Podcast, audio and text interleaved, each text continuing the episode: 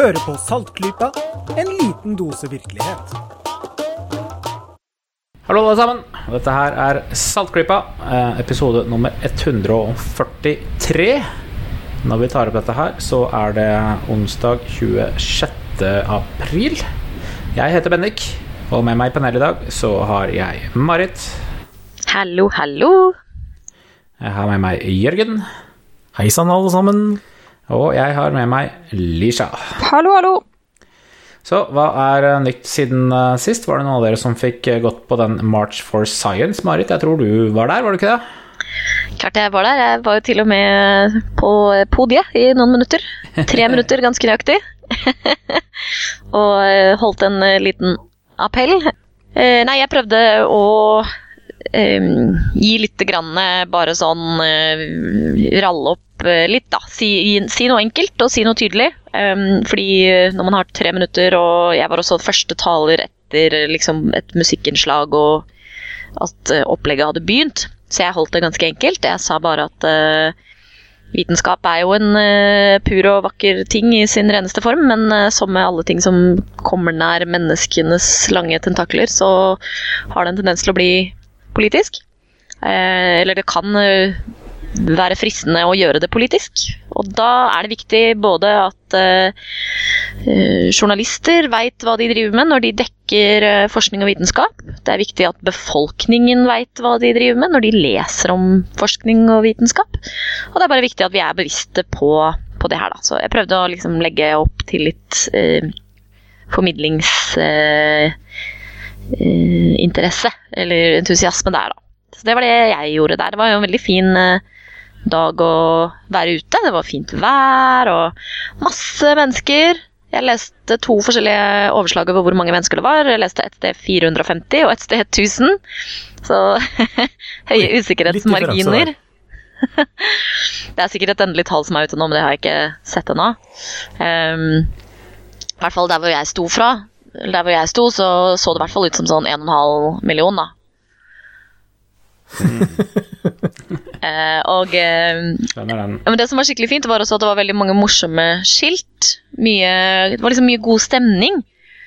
Og en av de tingene som, eh, som egentlig er litt viktig når det kommer til å, å promotere vitenskap og kritisk tenkning og sånn, så, så er det at eh, Eller det gjelder jo egentlig veldig mange saker. At det er veldig mange saker som lider litt under av at man er sånn i protest. Eh, miljøsaken f.eks. At det er veldig mye sånn protester. Det er liksom sånn, du er liksom sur og tverr da, hvis du prøver å gjøre noe med en ting.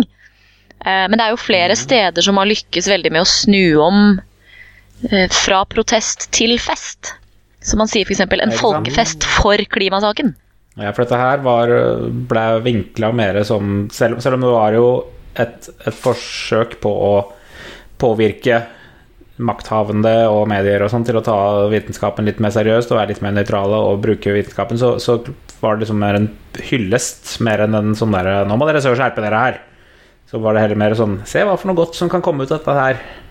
Ja, og det var veldig mye sånn humor og glede og letthet i det. Så det syns jeg var veldig fint, da. Eh, det var veldig mange morsomme skilt da, som man sikkert har sett samlinger av på BuzzFeed og sånn, men en av de beste syns jeg var You know it's bad when the nerds start marching. For det er litt sånn, da. Det var mange fine mennesker i alle former og fasonger der. Og, og alle Ja, og mye god stemning, rett og slett. Eh, Så jeg ble veldig imponert da når vi gikk ut fra Rådhusplassen og skulle opp da til eh, Stortinget. Det er jo slett ikke noe lang vei, det. Men jeg ble imponert da vi begynte å trekke ut av Rådhusplassen og jeg på en måte kom opp langs eh, tårnet og kunne liksom ikke se enden av toget bak meg. Det var kjempefint. Og vi fylte opp hele eh, Løvebakken. Så en fin dag, må jeg si. Så bra. Kult. Jeg er lei for at jeg ikke fikk vært med. Fordi det var en suksess sånn overall. Fornøyd med, med alt sammen. Ja, og det var, eh, det var litt sånn kunstneriske innslag, det ble sunget litt og eh, Det var litt morsomt, for jeg sto Jeg bor jo på Sagene da i Oslo, og så sto jeg på bussholdeplassen, og da kom Sunniva Rose. Og hun var da på vei ned eh, samme, med samme formål. Da. Hun skulle også holde appell. Så hun, jeg holdt den første appellen på Rådhusplassen, hvor vi hadde liksom første opplegg, og så holdt hun da første appell på Stortingsplassen. Plassen foran Stortinget. Eh, Etter at vi hadde marsjert. Og hun holdt også en veldig god appell eh, om formidling, og hvorfor man må gjøre det. Og ikke minst eh, om at vi må bry oss om hvem som er våre folkevalgte. Eh, og hva liksom, altså de som, på, de som sitter og tar politiske beslutninger, de er jo et tverrsnitt av befolkningen eh, på sin måte. De representerer oss. Eh, og da er det viktig at de forstår vitenskap, og vi må ikke minst passe på at de forstår de tingene som vi syns er viktig. Så det er også veldig fint. Den kan vi lenke til også. Der har jo det. Ja, og jeg tenkte jo å nevne sånn i, i forlengelsen av det, det har vært en veldig sånn fin sånn vitenskapsuke. For jeg var da på March for Science på lørdag. Og så på tirsdag, altså i går, så var jeg på et arrangement i regi av MNKOM-emnet, altså dette formidling- og vitenskapsjournalistikk-emnet på Universitetet i Oslo.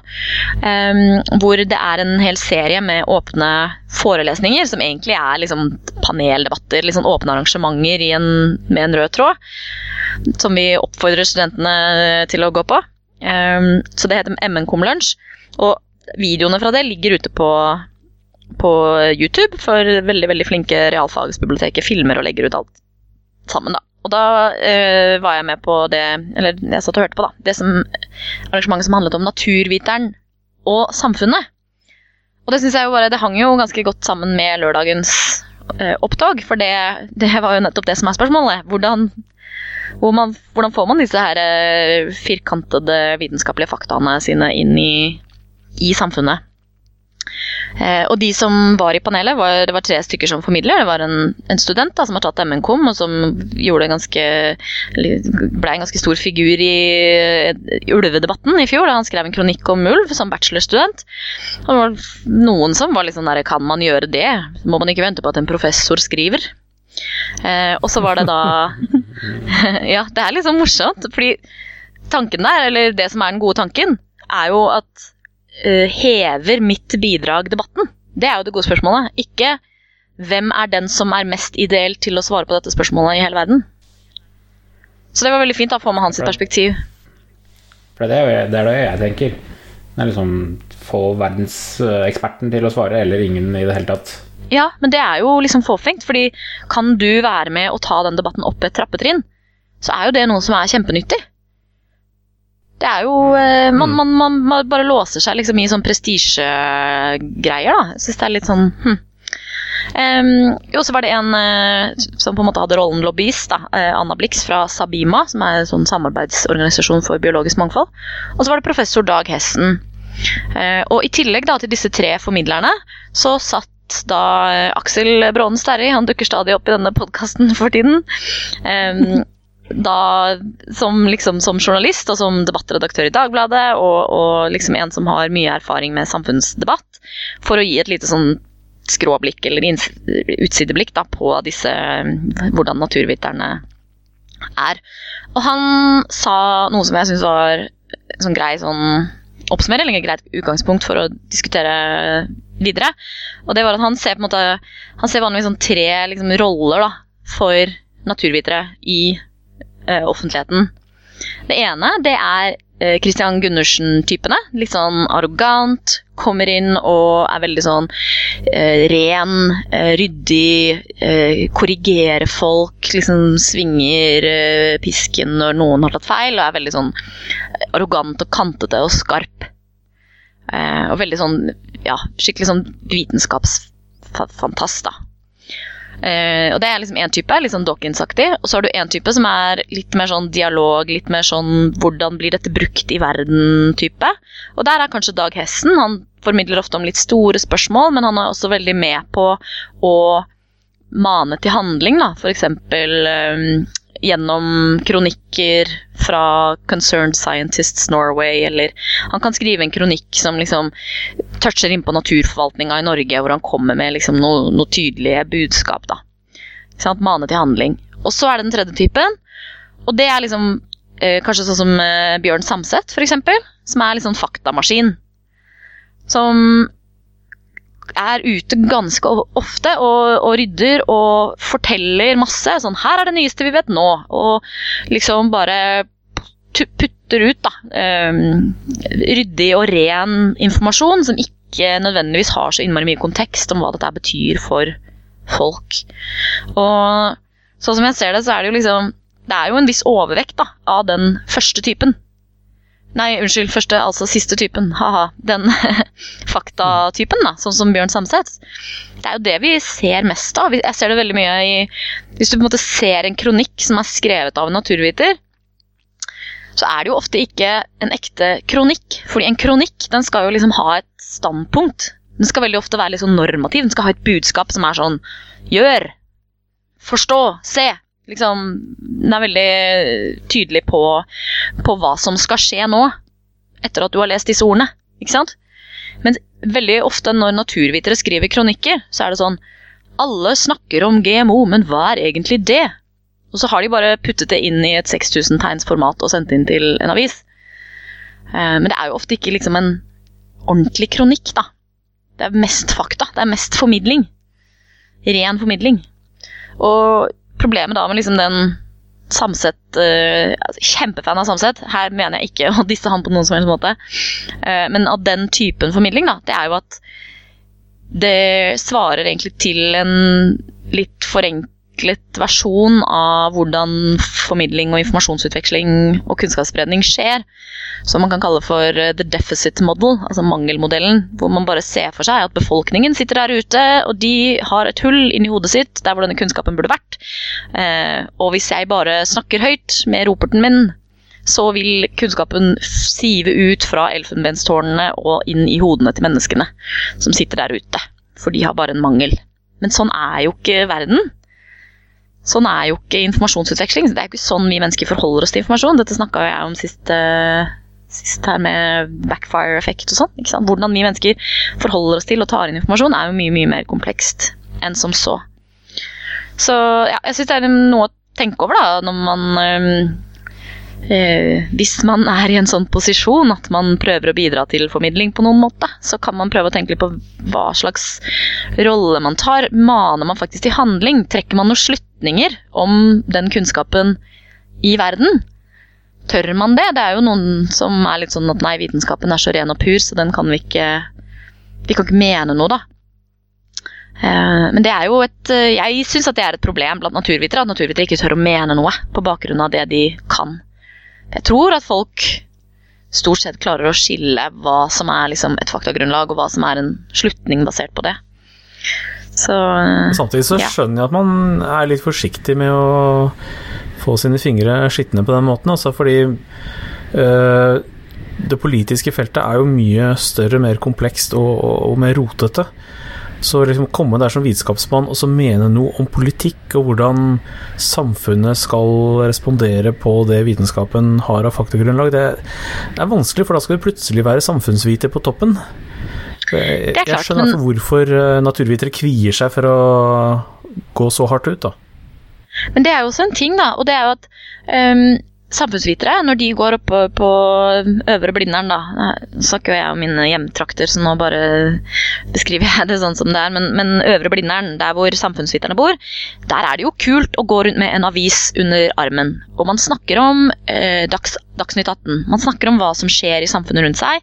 Selv om du studerer eh, politisk teori, politisk filosofi, idéhistorie. Altså, du skal på en måte skjønne litt grann om verden, selv om du studerer noe som ikke er sånn direkte applikerbart, ikke sant?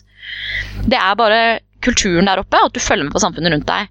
Og det er jo noe av en mangel faktisk nede på naturvitenskap, da, at man det er ikke vanlig å lese avisen, for å si det sånn. Det er ikke kult å lese avisen nede på Matnatt. Det er kult å lese Popvit. Uh, Ja, ikke sant? Og- Du får den der stereotypen om at uh, vitenskapsfolk, særlig naturvitere, de sitter liksom helt fordypet i sitt felt og enser ikke noe annet. Og verden kunne gått ned så lenge Og verden kunne gått under, og, men det er helt greit så lenge det ikke uh, sommerfuglsamlinga di går. Går med. My data, my precious data! Nei, men det, er- det er, jeg tror det er noe litt i det. Altså at Naturvitere føler ikke noe ansvar heller for å følge med på samfunnet rundt seg. De tenker sånn jeg skal skape sånne klinkekuler som skal eh, trille urørt ut i verden. Eh, men, men det er jo ikke sånn det funker. Hvis, de, hvis man som naturviter begynner å lese avisen litt mer og følge med på hvordan ting funker, så, så er det ikke så vanskelig å danne seg en mening etterpå. om, om eh, hvordan den kunnskapen man har, burde være plassert der ute. Så jeg, det er jo litt morsomt som du sier, Jørgen, at liksom man blir skitten på fingrene. For det er, liksom, er det virkelig nødvendig at det er sånn? Må det være så Ja, nei, men jeg, jeg bare skjønner følelsen. Ja, jeg skjønner det. Men det, det må vi jobbe med, da. Mm. Naturvitere, husk å lese avisen. Det syns jeg alle burde gjøre.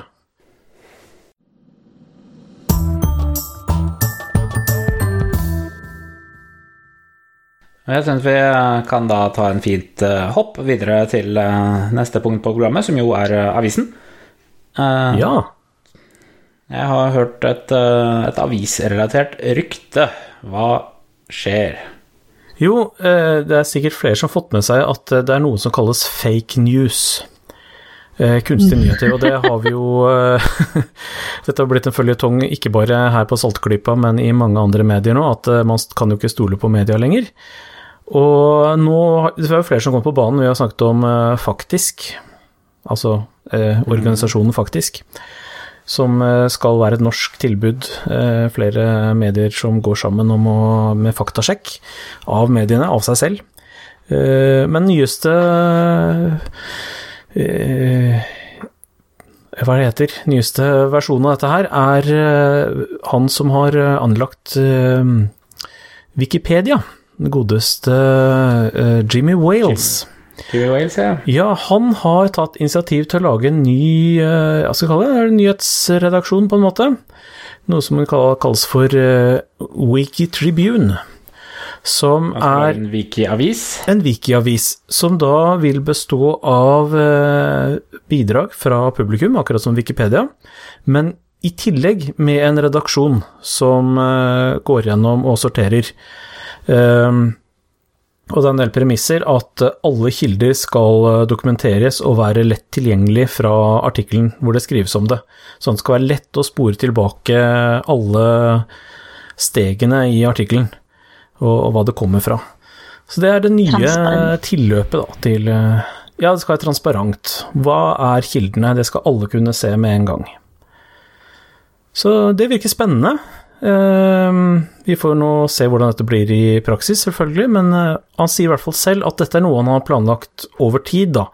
Men med det siste som har skjedd med brexit og Trump, så har han fått opp farten. Så nå, nå skal det Jeg vet ikke når de skal være oppe og går, da, men eh, jo, der står det.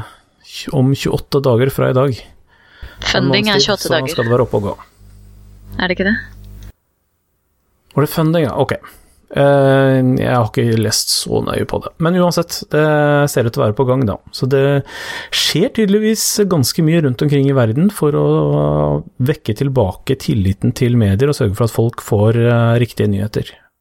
Ja, vi kan, uh, vi kan håpe at det fører til at folk begynner å stole på mediene igjen. Ja, jeg håper det. Ja, jeg er spent på det, for det er jo at det blir liksom å stole på dem. Ja, det er, det er jo trans... Folk må liksom læres opp fra bunnen igjen, tenker jeg. For å se at dette her ikke er eh, liberal eh, biased media. Fordi de eh, er jo ikke bare positive til Wikipedia heller, for Wikipedia har jo også en sånn fakta- og etterrettelighetsgreie em, som, som fører til mange resultater som enkelte ikke liker. Uh, Wikipedia har jo f.eks. hatt en tydelig redaksjonell profil på at man ikke skal kunne gi um, partisk informasjon om masse alternative behandlingsformer. Der har det vært sånn Nei, vi skal, du må ha evidens, og hvis du, har, hvis du bare har uh, tynne kilder, så får du ikke skrive at homopati virker. Og det var liksom en sånn uttalt greie, og da la jo hele alternativmiljøet uh, Jimmy Wales for hat. Så vi får se. Vi får se hvordan dette funker. Ja. Jeg er veldig spent. Jeg er jo flinke folk med skarpe tanker. Det hjelper jo ofte. Ja, vi får håpe at de er transparente nok til at uh, man, uh, man ikke bare automatisk sier ja, men det er jo bare De, de tenker jo bare sånn, eller at de har en liberal bias, de også. At de er transparente nok til at man unngår den. Slik som man så lett kan avfeie medier i dag.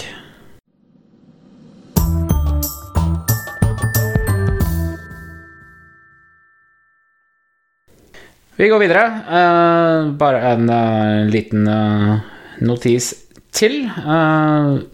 Medisinsk forskning har lenge håpet på å klare å lage en kunstig livmor. Nå har de klart det. Ikke Ja. for mennesker, vel å merke. Men for, for lam, for sau. Ja, et sted må man jo begynne. Det er litt sånn wow, så kult, og æsj, så ekkelt. Eh, Og det er veldig lett å tenke på diverse dystopiske sci-fi-filmer og sånn når man eh, leser om dette her, men nå har man altså laget en eh, kunstig livmor som man har testa på lam.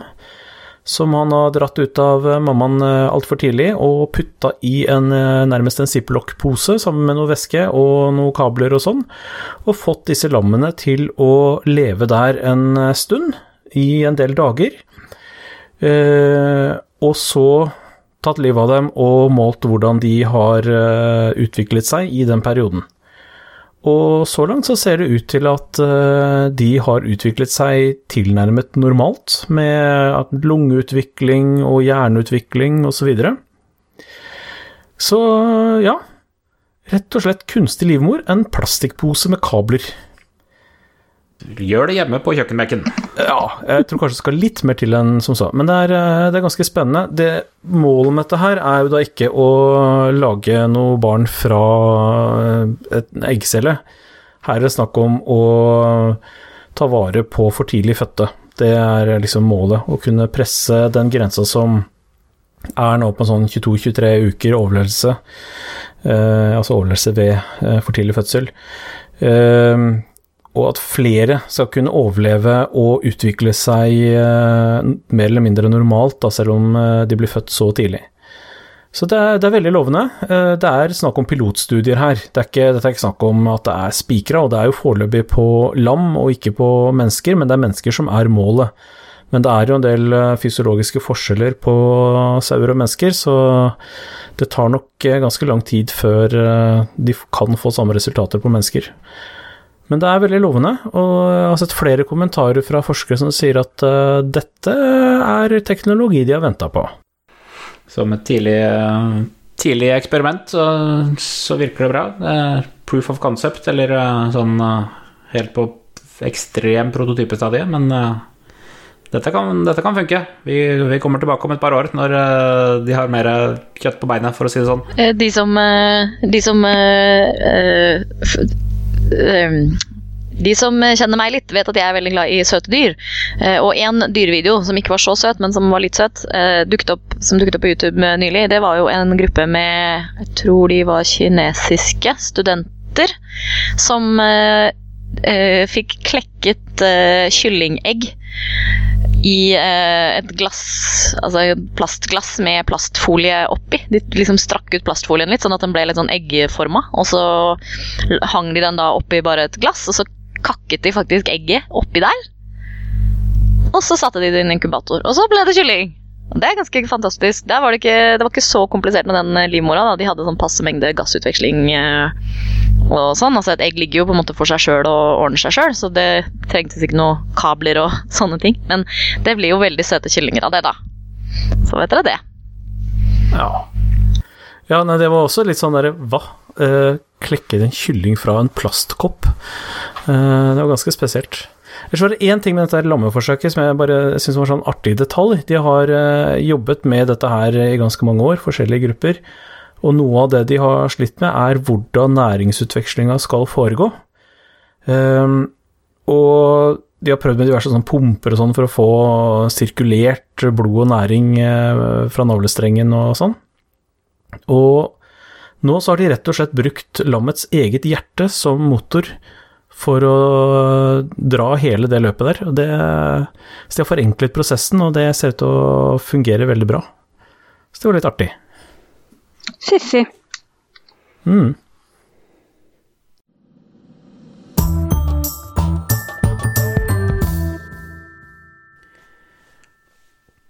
Da går vi videre til eh, noe som jeg tror kommer til å bli en eh, fast spalte. Jeg må se å lage en jingle til dette her nå snart. Eh, Jeg kan, jeg kan prøve å lage en sånn eh, på direkten. Lysas elefanthjørne. Litt sånn elefantinspirert trompetering. Var det det vi fikk høre der? Uh, ja, det begynner å bli et fast innslag, men denne gangen så er det ikke elefanter, da, men mammufanter. Uh, inspirert av Jørgens uh, utlegning her om kunstig livmor, som, da, som han sier skal brukes for å prøve å redde for tidlig fødte barn. Men det er noen som driver og jobber med det samme, altså skaper en kunstig livmor. Ikke for å redde vår art, men for å, som de innbiller seg, redde andre arter. En som er utrydningstruet, og en som er utryddet. Hvor alle har sikkert hørt snakk om at uh, man skal prøve å få mammutene tilbake. De har, det har vel vært fem år unna de siste 30 årene, i hvert fall. Ja, det har, eh, det har ikke gått så mye fremover. Grunnen til det er jo at man har ikke funnet noe komplett mammut-DNA. Og da blir det vanskelig. Eh, Så nå har man, i hvert fall en del av forskerne, da, har gått videre til denne tanken om å lage mammufanter. Eh, Og det vil si at man tar det man har funnet av DNA til mammut, og kombinerer det med mammutens nærmeste nålevende slektning, Elefas maximus, den asiatiske elefanten. Uh, og dette her er en besynderlig tanke som det er ganske vanskelig å støtte. Uh, de ønsker da å skape, for asiatisk elefant er jo truet. Kanskje om noen generasjoner så finnes ikke flere, og da skal man i mellomtiden da, tenke å lage seg disse mammefantene som skal være som den asiatiske elefanten, bare at den skal være tilpasset et liv i kaldere områder. For de er jo tropiske dyr, men disse som skal, man tenker seg å skape, da, de skal ha veldig små ører, sånn som mammuten hadde. De skal selvfølgelig ha pels. Og de skal ha en del eh, sånne ting da, som gjør at de, de skal ha mer underhudsfett. Så de skal kunne leve i eh, den type klima da, som mammuten en gang gjorde i, eh, på tundraen. Uh, men det finnes faktisk allerede en, uh, om det er en nasjonalpark eller hva det er, i hvert fall et sted i Russland, som står klar til å ta imot mammuter. Uh, De har jo ingen, eller mammufanter, de har jo ikke det foreløpig, men de bruker en tanks da, til å gjøre den jobben som de for- ser for seg at mammufantene skal gjøre en gang i fremtiden. Eh, Velte trær, så gresset kan vokse. Og eh, så har man en tanke da, om at mammuter eller mammufanter det kan hindre eller i hvert fall hjelpe til med å bekjempe den globale oppvarmingen. Fordi det ligger jo snø i disse områdene hvor man tenker seg at de skal leve, og den isolerer slik at tundraen eh, kan smelte. Men hvis disse dyrene eksisterte, så ville de trampe rundt, selvfølgelig. eh, Trampe ned snøen, delvis fjerne snøen, og da ville kulden komme til, slik at permafrosten bevares lengst mulig. da. Eh, og dette er jo en tanke hvor man eh, skal bruke elefanters eggceller som fjernet genetisk materiale, og så skulle man begynne å ta elefantceller og mammutceller og liksom, eller DNA og skape noe man kan putte inn i dette egget, og så forhåpentligvis vil det vokse. Man har klart da i disse kunstige livmorene å få mus til halvgodt svangerskap. Og det høres jo litt imponerende ut, men det er altså snakk om ti dager er et halvgått musesvangerskap, og et elefantsvangerskap er da 22 måneder. Det er litt Det er en viss forskjell. Uh, og ikke, man kunne jo selvfølgelig brukt uh, surrogatmødre, da, altså implantert egget i en uh, elefant. Men det er, i hvert fall, så vidt jeg forstår, så mener de fleste som driver med dette, at de, det er ikke etisk forsvarlig å eksperimentere på den måten med en utrydningstruet art, for gud vet. Da vet man jo ikke hvordan dette egget vil utvikle seg. Eh, så man er veldig interessert i disse kunstige livmorene, da. Eh, men dette her, når man leser i media, nå var det nettopp fremme hos NRK, så, så virker jo dette delvis som om det er rett rundt hjørnet. De snakker om et par år. Eh, som høres jo for min del helt fjernt ut. Det tar jo et par år bare selve svangerskapet. Eh, Ja, det tar, to, det tar to ja, år, det det. gjør det. Så det er jo helt altså det er, en, det er en av grunnene til at uh, dyrehager som har elefanter, de venter ofte ganske lenge med å annonsere det når de har lykkes med et svangerskap. Det er ene grunnen er selvfølgelig at det kan bli en spontanabort, men det andre er hvis man annonserer etter la oss si tre måneder da, eh, etter konstatert eh, drektighet, så vil det gå så utrolig lang tid før det faktisk kommer en unge at publikum vil jo miste helt interessen. Eh, Ja, det halvannet år til. ja, så da venter man heller til det har, De er jo digre, klumpete skapninger uansett, så det er jo ingen som ser noe før det har gått veldig langt. Men uansett, dette her er et veldig tvilsomt prosjekt. Og det, når i mainstream media så kommer ikke det frem. Derfor syns jeg det er fint at vi kan ta opp dette her, fordi det er det er andre da som har sett på dette på en, med litt mer kritisk øye enn disse som driver med det og er veldig eh, Hva skal man si um, Gung-ho. De er veldig positive til det, selvfølgelig. Um, altså for Noen nevner jo dette at dette er sosiale dyr.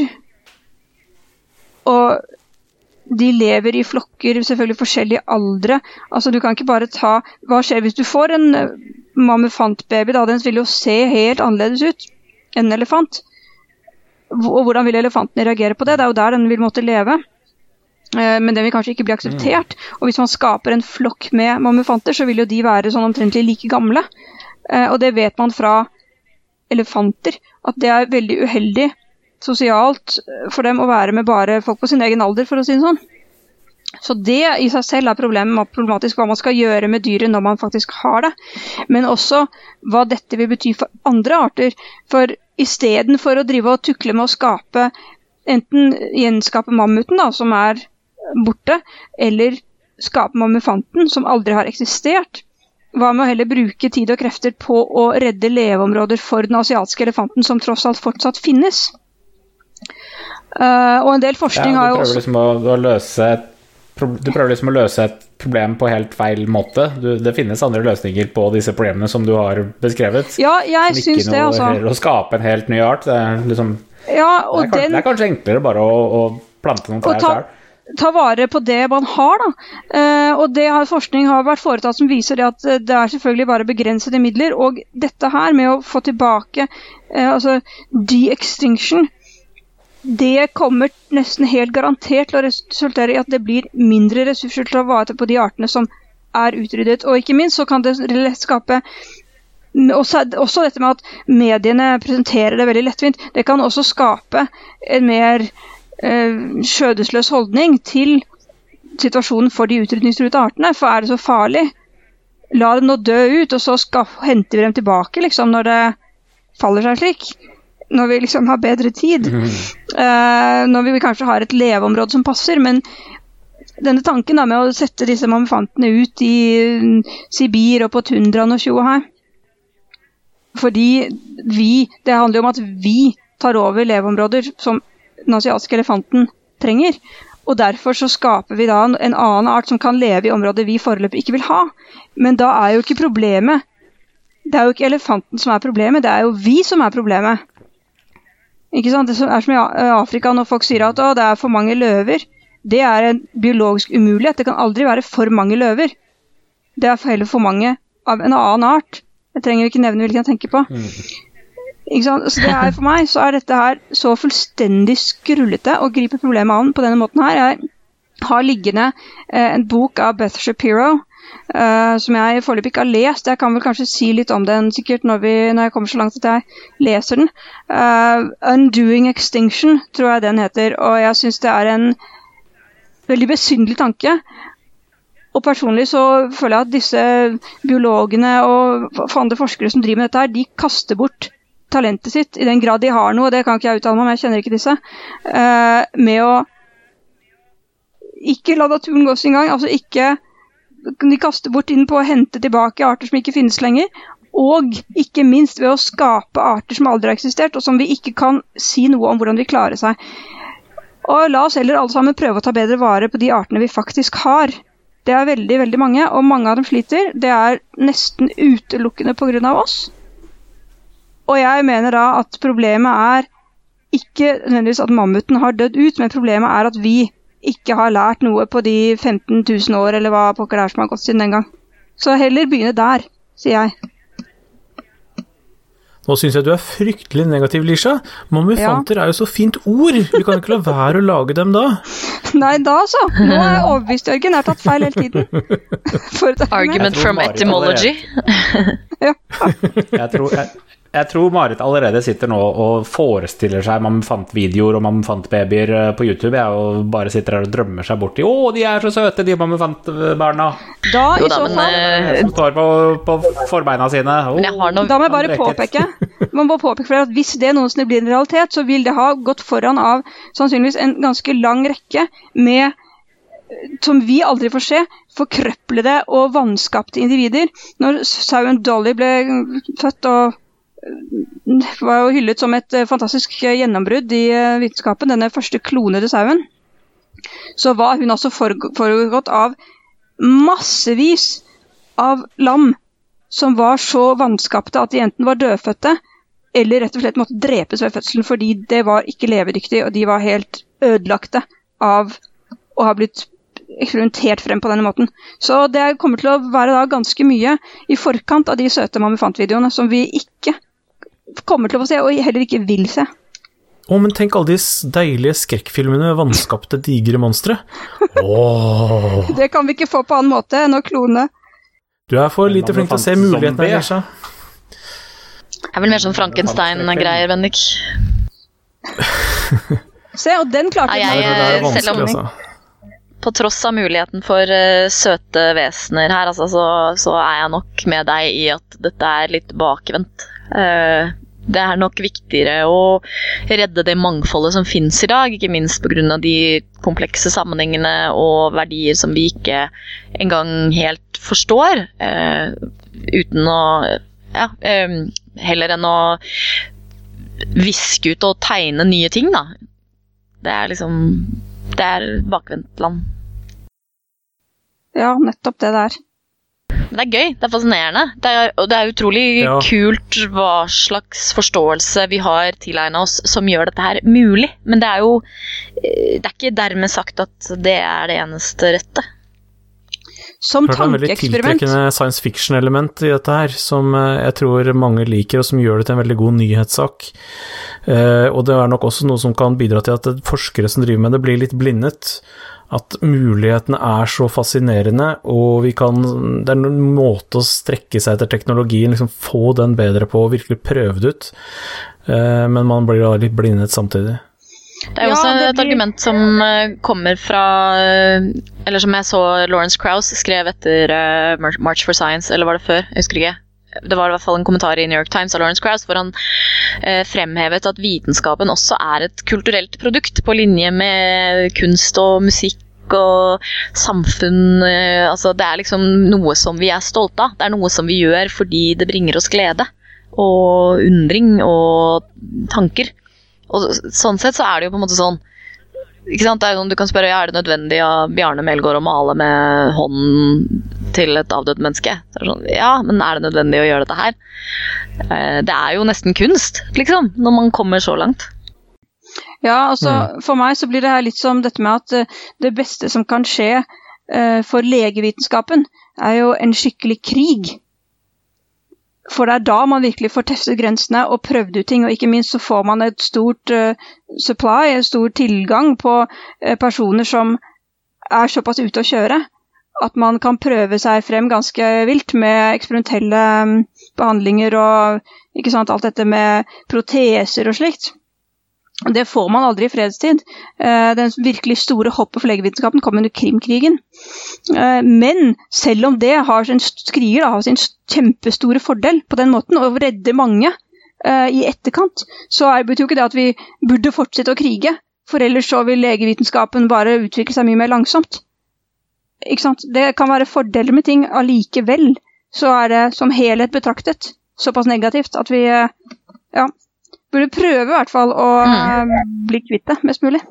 Og dette her med denne kloningen, altså det det er interessante tankeeksperiment, men ressursene er begrensede, og da syns jeg at det er et helt feil bruk av ressurser.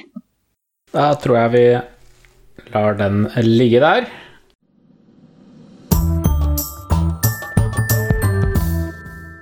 Eh, og så går vi videre til eh, å spørre Hva har du gjort i det siste, Jørgen? Ja, noen har kanskje merket seg at jeg har gått glipp av en og annen episode av Saltklypa. Eh, Jeg har vært fryktelig travel eh, siste halve året, og særlig siste ukene, for eh, jeg har laget utstilling. Stor utstilling som nå er ferdig. Den ble åpnet på søndag. Hvor? Hvor? På, eller rett utenfor Hønefoss, på museet jeg jobber på, som heter Veien kulturminnepark. Og det er det eneste arkeologiske museet i Buskerud, og har da status som fylkesarkeologisk museum. Og det er en liten uh, hemmelig perle som veldig få vet om. Uh, det er et dritkult museum uh, og sted, men det er få som får det med seg. Dessverre. Vi ønsker mer besøk, og det håper vi blir rett opp med den nye, fantastiske utstillingen som jeg har vært med på å lage. Hva heter utstillingen? Den heter eh, Opprinnelse Buskerud. Fra stein og bein til makt og prakt. Og det er da en utstilling om eh, vår forhistorie fra og med steinalder til og med vikingtid. Med funn fra Buskerud, og da selvfølgelig fokus på hva som har skjedd akkurat i Buskerud, men det er jo relativt likt hva som har skjedd i resten av Sør-Norge, da. Ehm, Så det er utstillinga. Ehm, Kanskje først bare si kjapt om hva Veien kulturminnepark er for noe. Fordi det egentlig er bare stedet som er kult. Vi har uh, et av landets største gravfelt for eldre jernalder. Masse, masse gravhauger. Nå er det synlig rundt 100 gravhauger. Eh, vi har noen gamle kart som viser rundt 150. Og det har sikkert vært mange flere før man begynte å pløye dem vekk. Og i tillegg så er det et helt ukjent antall eh, graver uten noe monument som en haug over. Um, og så har vi eh, Altså, det er et kjempeflott sted. Det er et av de få gravfeltene med gravhauger som ligger i et uh, relativt opprinnelig kulturlandskap. Sånn at du kan se rundt deg, og ikke se rett inn i veggen på en fabrikk eller noe sånt, men virkelig se landskapet der gravhaugene ble lagt. For disse gravhaugene har ikke blitt lagt på tilfeldige steder. Uh, og i tillegg i tillegg så har vi eh, et rekonstruert langhus. Det ble gravd ut på 1990-tallet eh, og begynnelsen av 2000-tallet. En liten sånn eh, pynt som stikker ut fra gravfeltet. Og der fant de fire halvbygninger, altså langhus, men gedigne sånne haller som egentlig er å sammenligne med et slott i praksis. Og de har ikke ligget samtidig, men etter hverandre i tid.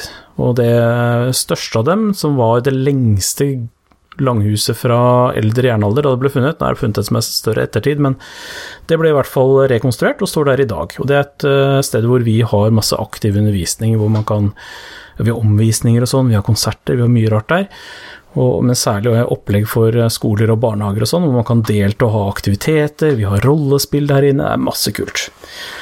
Og så har vi et museum. Eh, som da har arkeologisk utstilling. Og der har vi nå skifta ut vår faste utstilling, og det har vært et gedigent prosjekt som har tatt flere år, og som nå endelig er i havn. Hva slags uh, objekter har dere stilt ut? Um, så mye vi kunne, får jeg si. Vi har eh, For det første, så for å være et fylkesarkeologisk museum, så har vi sørget for å ha gjenstander for, fra alle 21 kommuner i Buskerud. Og vi har da fra alle perioder. Ehm, Men vi har fokusert på noe av det som ligger vårt hjerte nærmest, og, og formidlinga vi driver med, nemlig dette her med deltakende aktiviteter. Å lære gjennom å gjøre. Så vi har fokusert på håndverk og ressursutnyttelse, og det er da liksom noen temaer som går igjen. Så det er stein, som da nødvendigvis også forteller om steinalder, selv om man har brukt stein senere også. Så har vi eh, bein. Da har vi liksom de to første ordene i undertittelen vår, med stein og bein. Eh, for det er drevet masse, masse jakt i Buskerud opp gjennom absolutt hele historien. Og jakt handler ikke bare om mat, det handler om eh, å bruke kroppen til dyret til andre ting. Man bruker selvfølgelig skinnet og pelsen til å lage klær og andre ting. Eh, Man bruker knoklene til å lage redskaper og våpen og smykker og spillebrikker og terninger og alt mulig rart. Man bruker senene på dyret til å lage tråder og fiskesnører og sånne ting, eh, og så videre og så videre. Og så har vi om jordbruket. Vi har liksom, teknologi blir veldig viktig når man snakker om håndverk og sånn, og innføring av jordbruket er den største endringen som har skjedd i menneskenes historie, sånn enkelt sagt. Det var med jordbruket at man eh, ble altså Dette er sant med visse modifikasjoner, eh, men sånn enkelt sagt, det var da vi begynte å bo i ordentlige hus. Eh, Å ha tak over huet. eh, Ha, kunne ha masse gjenstander, for man flytta ikke så mye på seg. Før så var det liksom man hadde det man fikk plass til i ryggsekken og kanoen sin. Men så kunne man ha masse ting. Man kunne bo tettere sammen, for det var mer effektiv ressursutnyttelse man hadde en åker med mat rundt huset. Så man begynte å få naboer og bygder. Eh, Man fikk eiendom. Ting som nå er helt essensielt for hvem vi er, hvordan vi forstår verden, det oppsto med jordbruket i slutten av steinalderen. Så vi har om det, og da har vi liksom kule ting som eh, har med det å gjøre. Og vi har en av Norges vakreste arkeologiske gjenstander, som vi ikke trodde vi skulle få lov å stille ut, men det har vi fått lov til. Eh, Da sier jeg fiskumøksa, og så sier alle som hører på den podkasten at hæ, hva i all verden snakker du om, Jørgen? Hva i all verden snakker du om, Jørgen? Dette er sånn eh, intern eh, arkeologisjargong.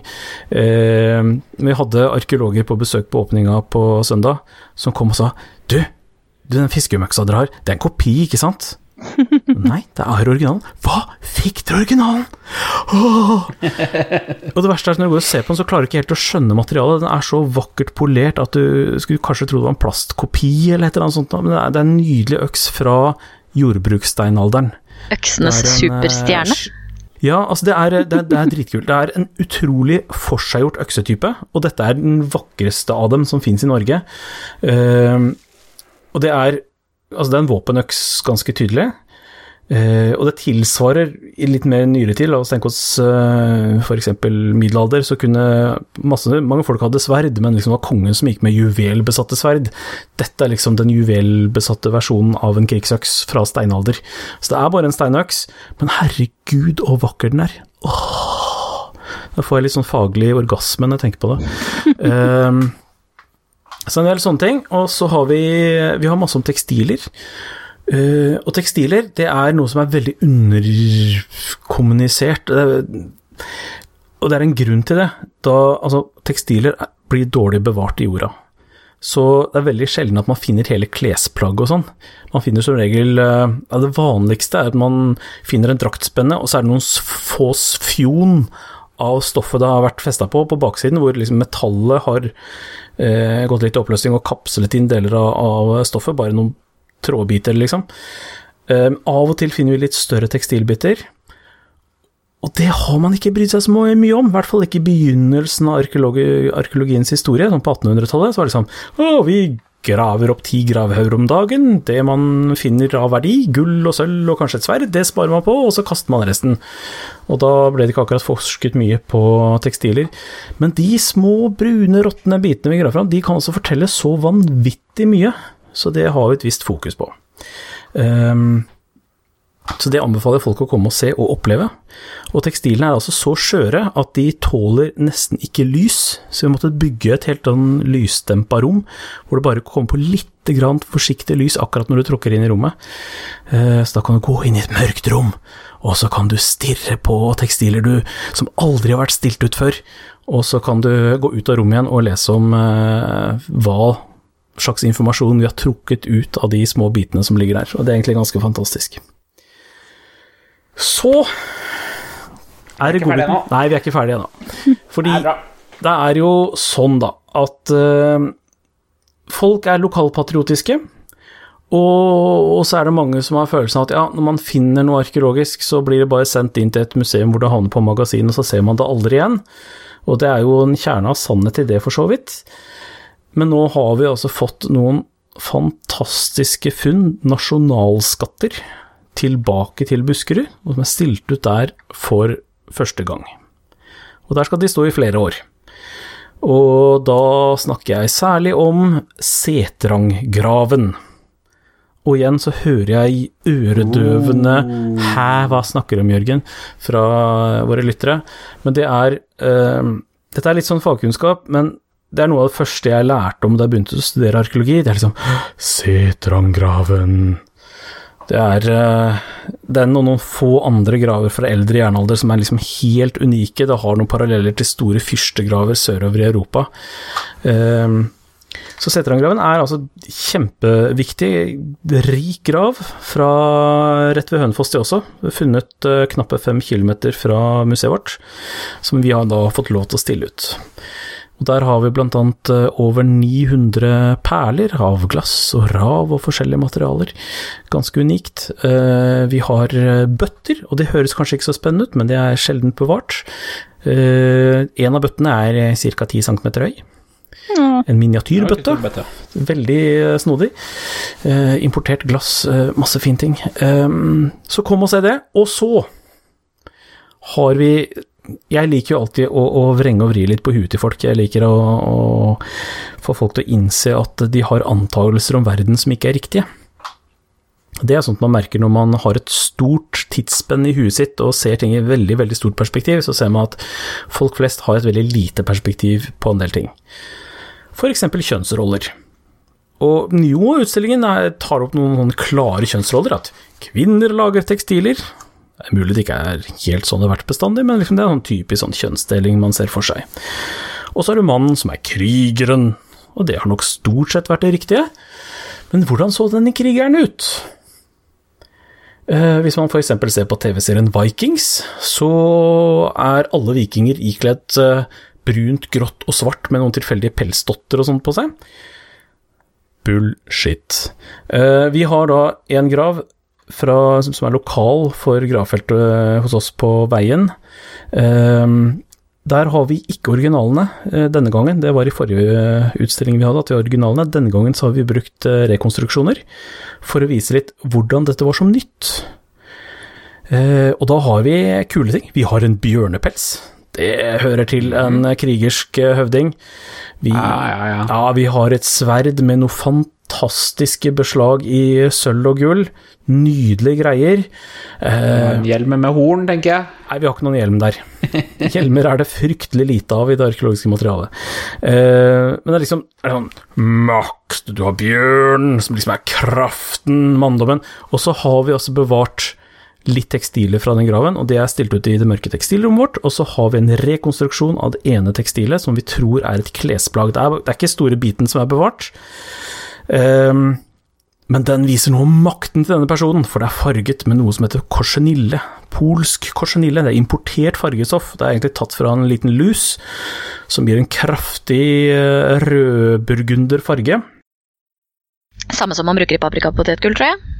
Ja, eh, ikke fra polsk korsenille, da, for det er en mulig utdødd art og sånn, men, men, det er samme type farge, det kan stemme. Eh, poenget er at dette her er Det tekstilet er litt spesielt. Det er floss, det vil si øh, fuskepels. Og når denne fargen er som kraftigst, så får du altså en knæsj rosa farge. Så denne krygerhøvdingen vår har også muligens gått rundt med en jakke eller kappe som har vært av knæsj rosa fuskepels. ja, det skulle jeg likt å se ja. på, på, Vikings, altså. Ja, om du ikke får se det på Vikings, så får du se det på veien. Så eh, jeg anbefaler folk å komme innom og se. Vi har åpent eh, nå i sommersesongen alle dager unntak mandager. Eh, og så har jeg et eget lite tilbud til våre lyttere. Sånn helt på eget initiativ så har jeg tenkt å tilby en privat omvisning. Mm. Til de tre første av våre lyttere som klarer å få til en avtale. Jeg må ha noen sånne forbehold her, fordi eh, jeg er ikke på jobb hver dag. Eh, så det må fortrinnsvis være på en hverdag. Det må være en dag jeg er på jobb, eh, og det er mest hverdager. Og så hvis må jeg ta forbehold også om at det kan dukke opp andre jobbting som er viktigere som jeg må prioritere, men i utgangspunktet så skal jeg eh, la tre av våre lyttere få lov til å få en omvisning. Og oppgaven da er å finne hjemmesiden til Veien kulturminnepark, og spore opp Jørgen blant de ansatte, og sende en e-post med forespørsel om vi kan eh, få til en omvisning, og henvise til Saltklypa. Det høres overkommelig ut. Spennende. Men du Jørgen, kan yes. du forklare kort eh, hvordan man kommer seg til dette museet? Eh, er det noen mulighet for offentlig transport, ja. f.eks.? For, for oss som ikke har førerkort? Det er, det er mulig med offentlig transport. Det, for dem som f.eks. bor nær Drammen, så er toget fra Drammen til Hønefoss greit. Det er også mulig fra f.eks. Oslo, men der vil jeg anbefale bussen, som bruker halvparten av tida. Eh, og så fra Hønefoss sentrum så går det en lokalbuss opp til Veien. Eh, og så er det et lite stykke man må gå fra holdeplassen der. Eh, bruk Google Maps og finner ut eh, alt det dere trenger. Eh, så er det hvis man kjører med bil, så går E16 rett forbi. Og det er rett ved rundkjøringa Ja, nei, men veldig enkelt. Hvis man kjører E16 forbi Hønefoss, eh, Hønefoss-avkjøring nord, så er det skilta til Langhuset, med det er brunt skilt med museumskrøll. Så følg skiltene der, så kommer det inn til Langhuset. Eller inn til museet først, da, og så kan man gå til Langhuset derfra. Så gjør det. Altfor få mennesker stanser selv om de ser skiltet der. Da skal vi prøve å sende noen, eh, sende noen iherdig eh, nysgjerrige folk din vei. Ja, En ting jeg har glemt å si, da. Um, en ting er alle funnene våre. Eh, Jeg hang meg litt opp i det nå når jeg først begynte å prate om det. Men uh, vi har jo En ting er liksom tematisk at vi uh, viser fram håndverk, men vi har også ting å gjøre i utstillinga. Vi vil at dette skal være et museum der man er aktivt med.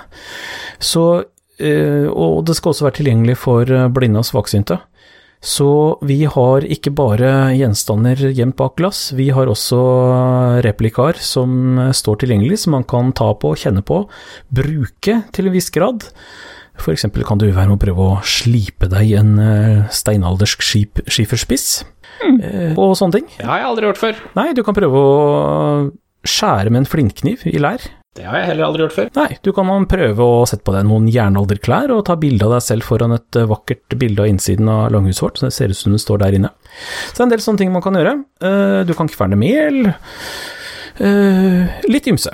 Det er også noe for de minste barna, som også kan gi litt kunnskap for de voksne, hvis de følger litt med på hva barna driver med. Og det bør de jo selvfølgelig gjøre. Eh, Det bør de, for faktisk så er deler av utstillingen farlig, akkurat som forhistorien er farlig. Så vi har ikke uten grunn eh, lagt noen plastre i en hylling der, der, og så er det ting som eh, små barn kan finne på å begynne å gnage på, kanskje få i halsen, så voksne må følge med. Utstillingen vår er litt grann farlig. Spennende. Det er et veldig godt uh, sales pitch, eh, det også. Ja, jeg syns det. I hvert fall. Uh, veien kulturminnepark like utafor Hønefoss. Be there or be square. Yes.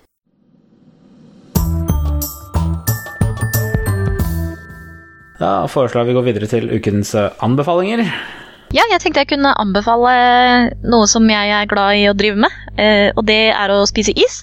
Eh, nei da, eh, det er jeg jo da, og det anbefaler jeg på generelt grunnlag. Men eh, litt mer spesifikt så er det jo et stort miljø av nerder der ute som liker mat. Og det er noen av de nettsidene som driver med sånne ting som er skikkelig gode, rett og slett. Så jeg f.eks. får nyhetsbrev fra noen som heter Cooks Science. Og det er egentlig et eh, utspring fra America's Test Kitchen, som er en sånn institusjon i matlaging og utsendinger og oppskrifter og sånne ting. Og de har gode artikler om eh, hvorfor mat er digg når det er digg. Eh, For eksempel så forklarer de emulsjoner. Og det, jeg, emulsjoner er det beste jeg vet. Det er helt seriøst. Det er bare, sånn er det bare.